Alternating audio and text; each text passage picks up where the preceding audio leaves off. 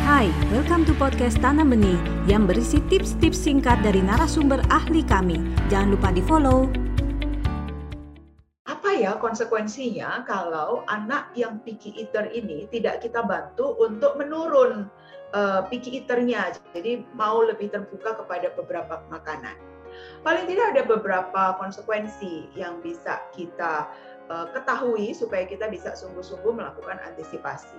Yang pertama, tentu asupan gizi yang kurang bervariasi. Nah, biasanya orang tua tanam benih, kalau anak-anak hanya mau makanan-makanan yang mengandung karbohidrat atau mengandung uh, protein saja, lalu menghindari serat, menghindari buah dan sayur. Padahal nutrisi mikro seperti zinc dan iron yang adanya justru di sayur dan buah atau di beberapa kandungan daging tertentu, protein tertentu.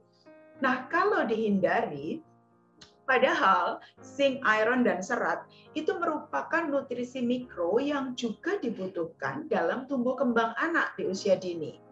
Sehingga kita bisa memikirkan bahwa kalau asupan gizinya kurang bervariasi, hanya karbo, hanya lemak, hanya protein yang merupakan nutrisi makro, tetapi nutrisi mikro tidak terpenuhi, tentunya tumbuh kembang anak menjadi tidak optimal atau kurang optimal. Anak tetap bertumbuh, tapi kurang optimal. Belum lagi kalau kita bicara kekurangan serat akan menyebabkan eh, secara jangka panjang bisa menyebabkan gangguan pencernaan. Jadi tentu secara fisik ketika eater tidak diatasi, maka kita melihat kepada dampak secara fisiologis tumbuh kembang dan pencernaan. Dalam jangka panjang, dengan asupan gizi harian yang tidak bervariasi dan tidak lengkap antara nutrisi makro dan mikro, memperbesar peluang ketika anak menjadi remaja, eh, menjadi dewasa, maka BMI atau komposisi tubuhnya itu underweight atau bisa overweight dengan masa otot yang terlalu kecil atau nanti kalau overweight kita bicara eh, masa lemak yang menjadi terlalu banyak. Mengapa demikian secara jangka panjang? Orang tua tanam benih makan itu sebuah perilaku kebiasaan.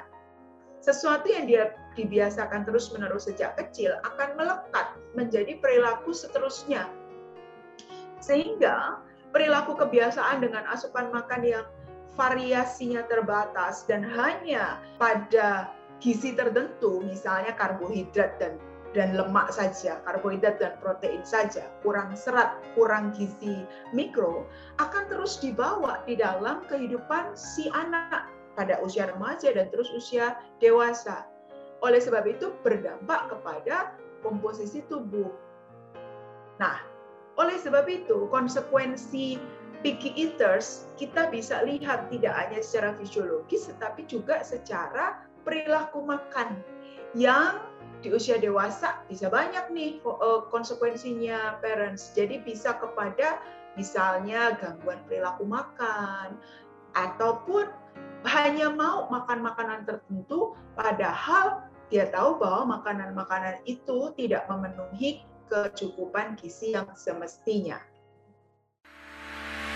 Anda baru saja mendengarkan tips dari Tanam Benih Foundation Mari bersama-sama kita terus belajar untuk menjadi orang tua yang lebih baik demi generasi yang lebih baik.